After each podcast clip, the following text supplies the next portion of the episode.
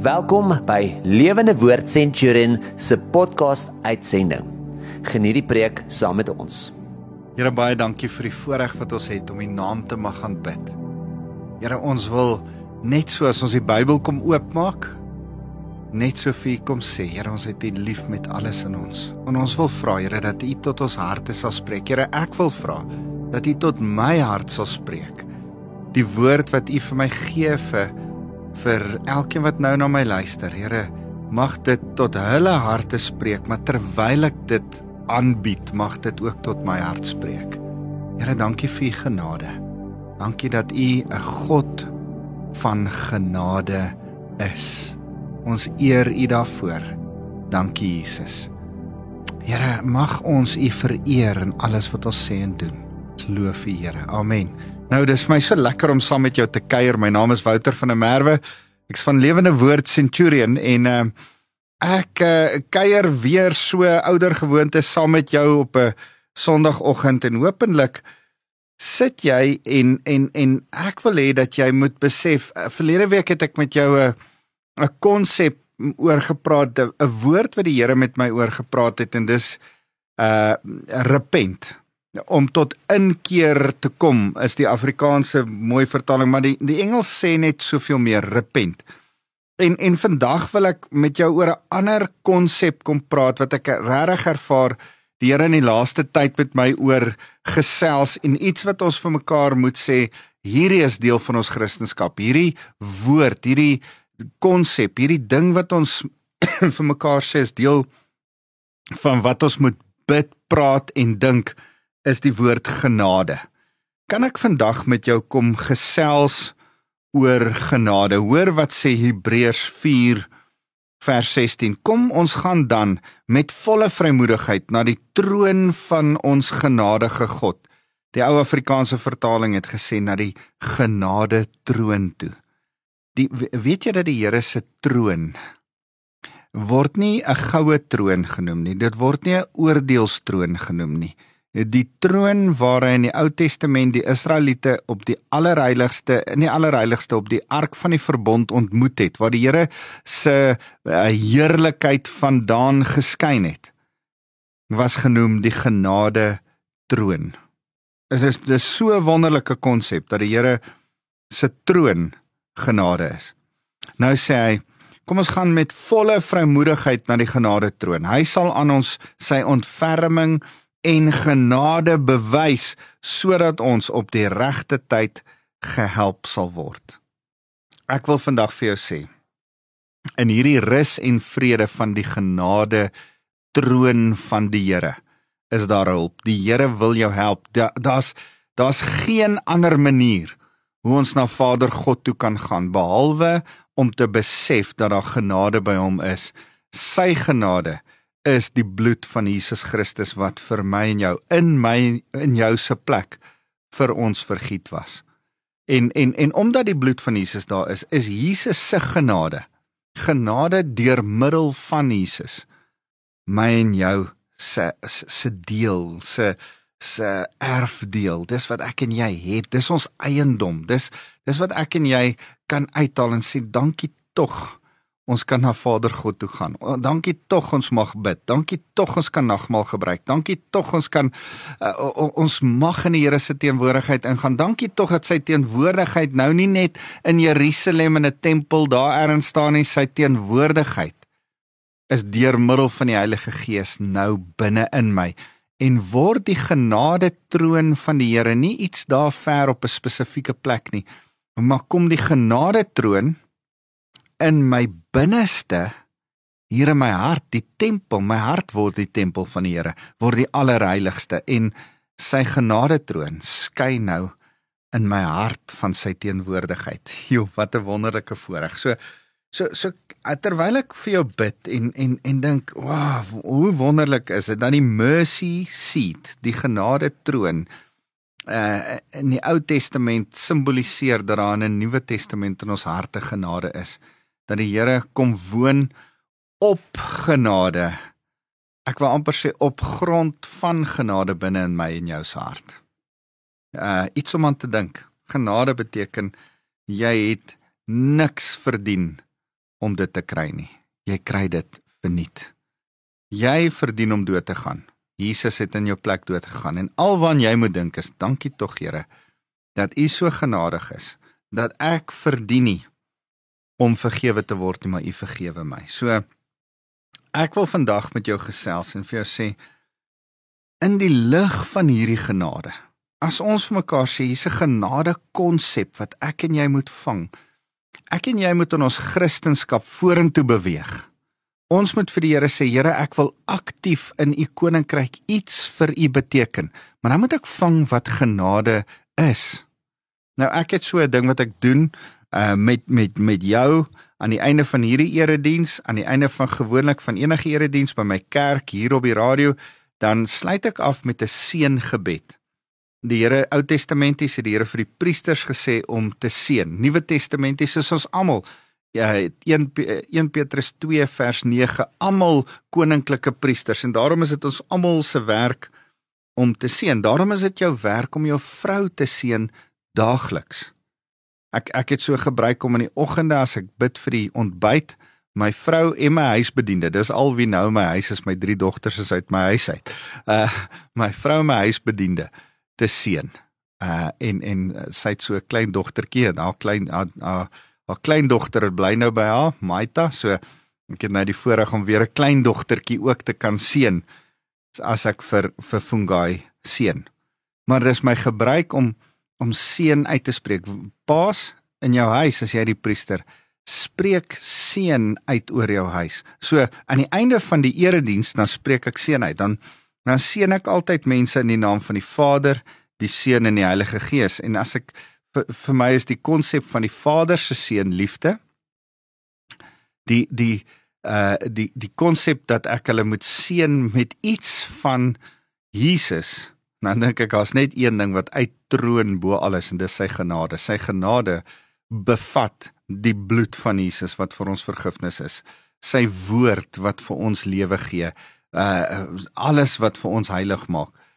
En dan die Heilige Gees. Die Heilige Gees uh, uh bring vrymoedigheid, bring krag, bring visie, bring lewe. So uh, ek sien altyd die gemeente na gelang van die preek uh met die met met die Vader, die Seun en die Heilige Gees. En as ek baie keer as ek uh, 'n uh, seën toe bid oor die Heilige Gees, dan ag oor oor die Seun, oor Jesus, dan sê ek mag jy besef dat die genade van Jesus Christus jou deel wees en mag jy daarom die genade van Jesus Christus gaan uitdeel aan ander. Jy kry en jy gee. Jy moet besef genade is iets wat joune is en omdat jy nou daarin leef, hy het jou vergewe, nou moet jy gaan vergewe. Omdat jy het, moet jy gaan gaan leef daarin. En en en dit het my aan die dink gesit en ek wil met jou vinnig vandag gesels oor genade. En en sê daar's drie goed terwyl ek vir jou bid. Terwyl ek saam met jou bid en sê Here in in in in ons pad vorentoe genade kan seker Ek ek kan seker 20 goed oor genade sê, maar ek wil vandag by jou hier by my kom stil staan oor drie goed. Genade lyk soos gee. Genade lyk soos hoop en genade lyk soos waarheid. Kom ek begin by genade lyk soos gee.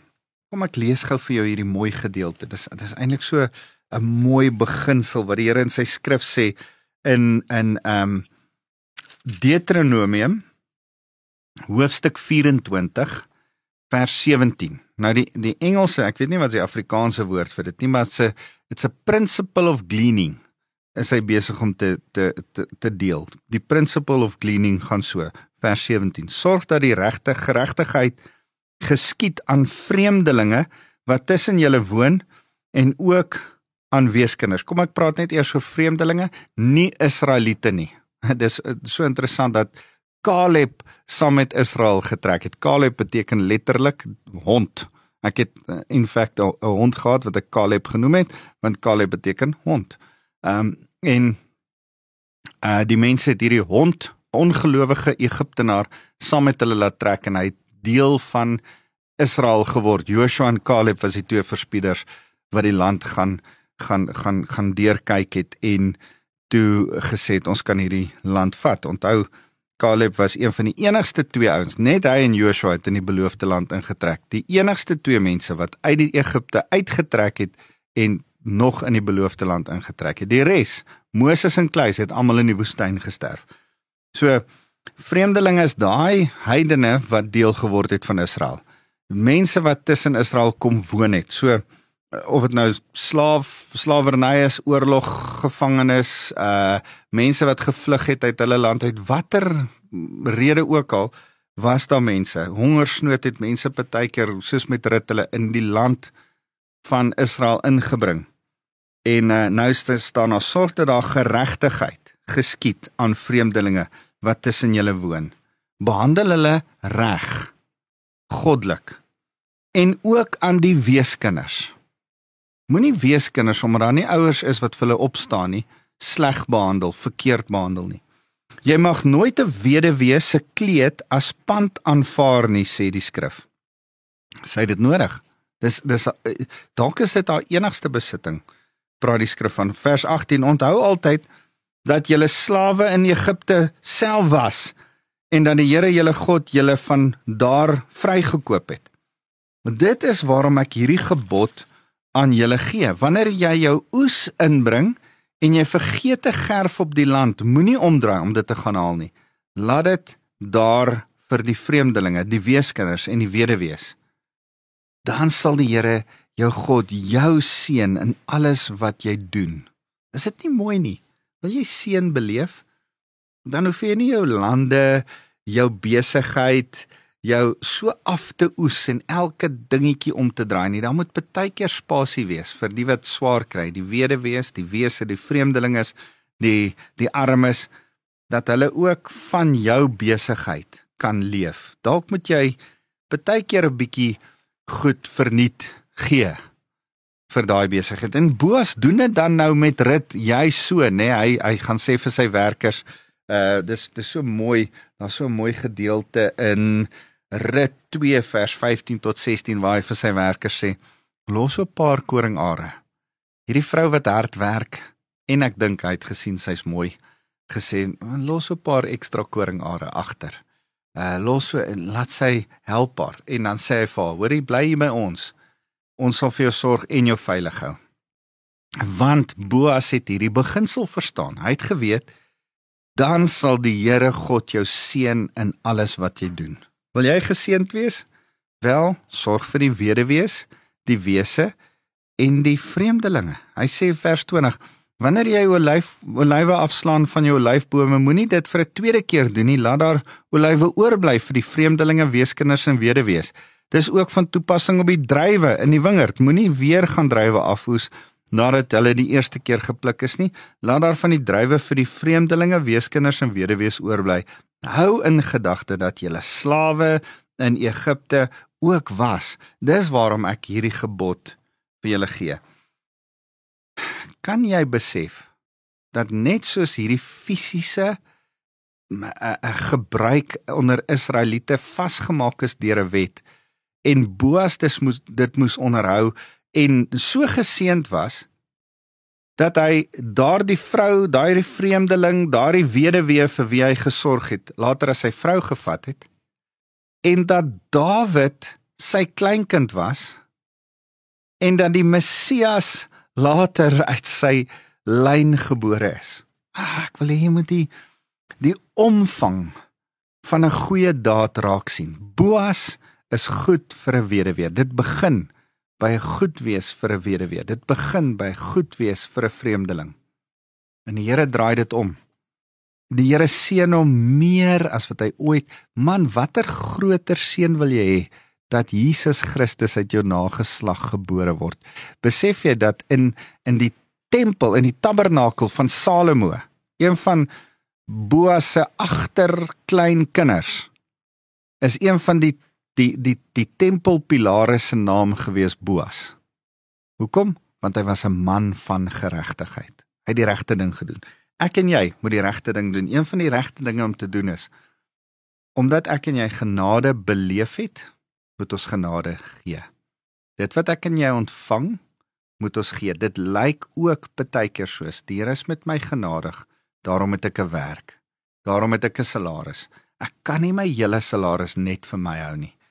Daar's vreemdelinge, daar's armes, daar's weduwees en wese wat omdat ek het, ek vir hulle ook moet gee. Vang jy genade? Besef jy dat die Here vir jou genade het? Besef jy dat jou werk net genade is van die Here af. Dis miskien nie omdat jy so oulik nie is nie. Miskien is jou wonderlike salaris, jou huis, jou baie nice kar genade. Genade op genade op genade. En miskien is dit goed om met iemand anders te deel. Ek het op 'n stadium die wonderlike voorreg gehad om 'n kar persent te kry. En ek het besef dis net genade. Die Here is vir my goed. Splinter nuwe kar persent gekry. En ek het besluit as die Here vir my goed was en ek hierdie genade geskenk gekry het, behoort hierdie kar eintlik aan die Here en nie aan my nie. Ek's die rentmeester, me, meester daarvan, ek's die oppasser daarvan. Ek moet hom reghou, uh mooi hou vir die regte mense kyk. Maar as iemand my gevra het op 'n stadium, hoorie, mag ek jou kar gebruik? Dan moes ek oordeelkundig kyk of hierdie persoon eh, in my opinie goeie rentmeesterskap van my rentmeester uh besitting wat die Here se is. Kan hy dit gebruik? Ja. Want hierdie kar is nie myne nie, dis die Here se. En nou nog voel ek so oor my kar en my huis. Ek voel so oor my salaris check. Die Here is my genadig. Daarom, Here, wil ek dit graag deel en uitdeel. As as jy as jy kyk hoe Dawid hierdie beginsel gesnap het in 2 Samuel, dan dan begin die Here hom net seën en seën en seën en rig die Here hom op om 'n klomp mense om hom te hê. Hoekom? Want hy deel uit. So kan ek vir jou een na die ander Bybelse figuur vertel. Abraham wat deel en daarom seën die Here hom. Uh daar's Jakob wat deel, daarom seën die Here hom. Josef wat deel, daarom seën die Here hom. Uh en en en en as jy besef wat my ombul is Daniël wat sy leierskap deel, wat sy liefde vir die koning deel deur vir die koning vir 7 jaar lank te regeer in sy plek en en die koning op te pas en dan seën die Here hom.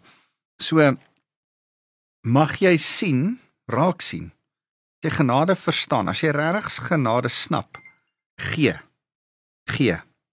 As jy regtig genade wil snap, al snap jy dit nog nie, begin gee, dan gaan jy begin genade snap dat deel van genade gee is. So die die die tweede ding wat ek vir jou wil sê is dat genade ehm um, praat van hoop. Dit impliseer hoop. Hoop is een van die goed en en ek wens ek kan vir jou uh soos wat ons oor genade praat, net oor hoop praat, maar ek wil vinnig een of twee dinge sê oor hoop. As ons kyk na na hoop, dan praat die die skrif reg deur die die uh, Nuwe Testament. Paulus noem 44 keer die woord hoop. 44 keer. En as hy van die woord hoop praat, is dit altyd in die konteks daarvan van die ewige lewe. Ons as gelowiges se hoop is die ewige lewe. Romeine 5 vers 5. Ag eh, Galasiërs 5 vers 5. So Romeine 5 vers 24 sê: "Nou dat ons verlos is, sien ons uit na ons toekomstige heerlikheid. Ons hoop in die toekoms. Want as jy iets reeds het, hoef jy nie meer daarna uit te sien nie. As ons reeds ewige lewe het, was nie meer daarna uit te sien nie. Maar as jy dit nog nie het nie, hoop jy gretig en volhardend en sien daarna uit. Ek en jy het 'n ewige lewe wat wag. Genade lyk soos die hoop wat ons nou het, die uitsien na 'n ewige lewe. Deel van ons kristendom is daar daar ewigheid vir ons wag, 'n verheerlikte liggaam, 'n perfektheid. Die Here gaan als kom reg en nuut maak. Dis deel van my en jou se hoop. Ek en jy moet met daardie hoop leef en aan daardie hoop vashou. As mense om ons doodgaan, geliefdes, mense in jou familie, kan jy nie hopeloos ween en in depressie verval nie. Nee, nee nee. Ons as gelowiges moet deur die genade wys dat ons glo in hoop van 'n ewige lewe. Van ons gaan hierdie geliefde weer sien. Ons gaan saam met hierdie geliefde weer tyd spandeer. Ons glo in hoop. Hoop lyk soos 'n doelgerigte vaste wete van 'n prentjie wat daar voor jou eers op die horison is. Dis waantoe jy met jou lewe op pad is heen. Dis hoop. En die hoop wat ek en jy het in ons geloofslewe is ons ewige lewe saam met Christus. Genade vir my en jou is dankie tog Here, die genade wat ons het. Die genade wat hy ons gee, die genade van sy kruisdood is ewige lewe. Hy hy het eerste opgestaan. Hy was die eerste vrug uit die dood uit op. Hy het eerste opgestaan sodat ek en jy kan weet ons gaan ook uit die dood uit opstaan, net soos wat hy uit die dood uit opgestaan het. Dis die hoop wat ek en jy mee sit. Dis waarvan Titus 1 vers 2 praat. En en en as ek hierdie ding by jou wil kom vasmaak, wil ek vir jou kom sê, hier was ek op 'n stadium, ek weet nie of hulle meer hier is nie, 'n kerk in Pretoria wat wat gesê het as jy dood is, is jy dood, dan is jy wurmkos. Dan word jy in die grond gesit en jy daar's nie iets soos ewige lewe nie. Paulus sê oor sulke mense, hulle is die mees bejammeringswaardige klomp mense wat daar is. Dis nogal 'n mooi woord, bejammeringswaardig. Hulle is waardig om bejammer te word, want wraggies, as jy nie die hoop van die ewige lewe het nie, hoekom doen jy hierdie kristendom? Hoekom leef jy? Hoekom volg jy Jesus? Dan kan jy net sowel soos Paulus maar sê eet en drink en te kere gaan party want môre sterf ons. Nee nee, ons het 'n hoop dat Jesus leef. Hoekom? Want uh, Prediker 3 vers 11 sê dat Jesus die ewigheid, God het die ewigheid in ons harte vasgemaak. Weet jy, ek en jy is gemaak met ewigheid in ons wese. Besef jy dat jy gemaak is soos wat 'n petrol engine gemaak is om gestaar te word en te ry. Jy kan hom daar in die garage parkeer en jy kan blomme plant in hom. Dis nie waarvoor hy gemaak is nie. Hy's eintlik gemaak om te ry. As jy daai kar net rondstoot in jou erf, dan gaan jy nooit tot sy volle potensiaal daai kar sien nie. Hy's eintlik gemaak om daai sleutel te draai, daai petrol engine aan die gang te kry en voluit lekker te kan jaag met hom. Dis waarvoor hy gemaak is. Ek en jy is gemaak vir ewigheid, maar nou het sonde en alles wat daar rondom is, ons vasgevang in 'n tydelike verganklike agteruitgaande liggaam. Maar net soos wanneer jy 'n vis uit die water uithaal en jy laat hom hier op die kantlyn lê en 'n hap hap so na die na na die lig. Dit lyk asof hy weer water soek om sy kiewe vol te maak. Soos ek en jy in hierdie tydelike. Ons is eintlik uit die ewigheid uitgehaal en ons lê soos daai vis in 'n hap. Ons begeer die ewigheid. En ons moet weer soos daai vis as jy hom teruggooi in die water en hy weer begin swem, ons moet weer teruggegooi word in die ewigheid. En wanneer ek en jy met ons dood teruggegooi word in die ewigheid in, swem ons in die ewigheid want dis eintlik waarvoor ons gemaak het soos 'n vis in die water soos 'n mens in ewigheid daarvoor gemaak. So dis hoe genade lyk, soos gee, soos hoop en soos waarheid. Ek wil vinnig vir jou sê Johannes 2 4 vers 24 sê dit so mooi dat dan praat Jesus met 'n vrou, Samaritaanse vrou by die put. En dan vra sy ja, maar waar moet ons aanbid en uh julle aanbid daar en ons aanbid hier en wat is nou die regte een? En dan sê die Here waar dood eenvoudig. God is gees. En die wat hom aanbid moet hom vanuit 'n hegte verhouding met die gees en in waarheid aanbid. Ek en jy moet die Here in gees en in waarheid aanbid. Ons het die woord se waarheid en die Heilige Gees se leiding nodig om hom te aanbid. Weet jy dat genade lyk soos waarheid? Dat ons mense konfronteer met waarheid. Ek het 'n mannegroep wat op donderdagoggende bymekaar kom en gereeld dan sê ek vir die mannegroep, deel van ons werk, deel van ons kristendom is dat ons aan aan vir mekaar en aan mekaar verantwoordbaar is. Ons hou mekaar verantwoordelik. vir wat in jou huwelik aangaan, wat in jou kinders se lewens aangaan as jy besig om jou kinders Christelik groot te maak. So ons ons ons vra mekaar reguit vra. Hoekom? Want ons glo in die waarheid. Hierdie waarheid van die woord rig ons lewens. En daarom ouens, as ons in genade glo, dan konfronteer ons mekaar partykeer met die waarheid. Ek het in die agter in die afgelope tyd agtergekom hoe baie mense uh waarheid en konfrontasie vermy. Hulle hou van waarheid, maar dan moet dit hulle pas en dan wil hulle glad nie konfronterend wees nie. Besef jy dat omdat ons mense is en almal van ons foute het en almal opinies het, is kan ons nie die waarheid in genade bly toepas sonder konfrontasie nie. Want party mense maak foute en dwaal af van die ware waarheid af. En dan moet ons hulle terugbring by die waarheid en sê, "Hey, hey, hey, ek, ek kan nie net nice wees met jou nie. Ek moet jou nou konfronteer ook en sê, "Hey, jy kan nie 'n ekstra vrou vat nie. Hey, jy kan nie naweke dronk wees en dink dis oukei okay nie. Nee, jy kan nie jou geld wegdobbel nie. Nee, jy kan nie in hierdie en hierdie dwaallering begin glo nie. Maar as ons nie gaan konfronteer nie met die waarheid nie, as ons nie besig is om te sê die skrif sê jy moet hierdie ding so toepas nie. Dan is ons nie genadig met mekaar nie. As ons mekaar net nice is en los en jy sien hierdie ou dwaal af en hy maak droog en sy huwelik gaan nou onderlei of sy finansies gaan nou onderlei. As jy sien 'n jong man staan op en hy wil nie hard werk nie en hy speel die hele dag games en hy en jy bly nou maar net stil en jy sê niks daaroor nie. Is jy besig met genade? Lyk dit is dit hoe genade lyk? Nice wees. Om net doodstil te bly. Miskien as jy gefrustreerd raak om eerder met iemand anders te, te gaan gesels oor daardie persoon en wat jou frustreer van daardie persoon. Ons noem dit skinder by the way. Nee nee, nee dis nie hoe genade lyk nie. Genade lyk soos ek glo in die waarheid. Ek weet wat die waarheid is en omdat ek 'n student van die waarheid is, gaan ek nie skroom om as gevolg van genade vanaf die genade troon van God jou te konfronteer sodat jy weer by die genade troon kan uitkom weer by Jesus se liefde kan uitkom. Dis my en jou se werk. Dis hoe genade ook lyk. So kan ek en jy met mekaar ooreenkom?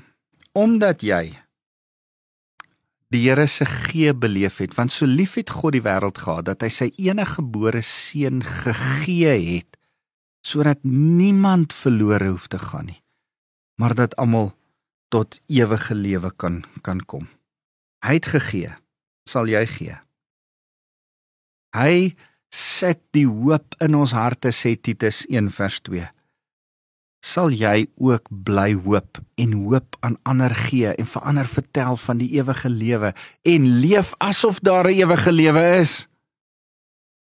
En sal jy die waarheid so deel maak, so bestudeer, so deel maak van jou lewe dat jy nie sal skroom as dit tyd is om mense met die waarheid te konfronteer nie. Ek het hierdie week uh weer Matteus 18 bestudeer. Ek en my vrou het so 'n woordskool wat ons op YouTube gesels en ons werk op die oomblik deur Matteus en ons het Matteus 18 bestudeer.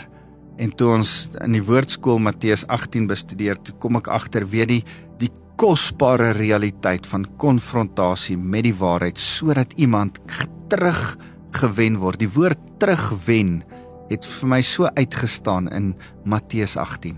Ons moet iemand in liefde kan terugwen. Dis hoe genade lyk. Dis wat genade is. En dis hoe ons teenoor ander moet leef wat afdwaal, wat sondig, wat die waarheid nie meer in hulle het nie. Kan ek en jy vir mekaar sê ons is mense van genade, daarom gee ons, daarom hoop ons en daarom leef ons in waarheid. Here, dankie vir die voorreg om u genade te ontvang in ons lewe. Mag ons dan doelbewus dink oor u genade en dink hoe leef ons dit uit. Here, hier's 3 maniere om dit uit te leef. Daar's nog baie meer, maar hier's 3 maniere. Help my gee. Help my hoop leef, ewige lewe leef. En help my waarheid toepas al kos dit konfrontasie.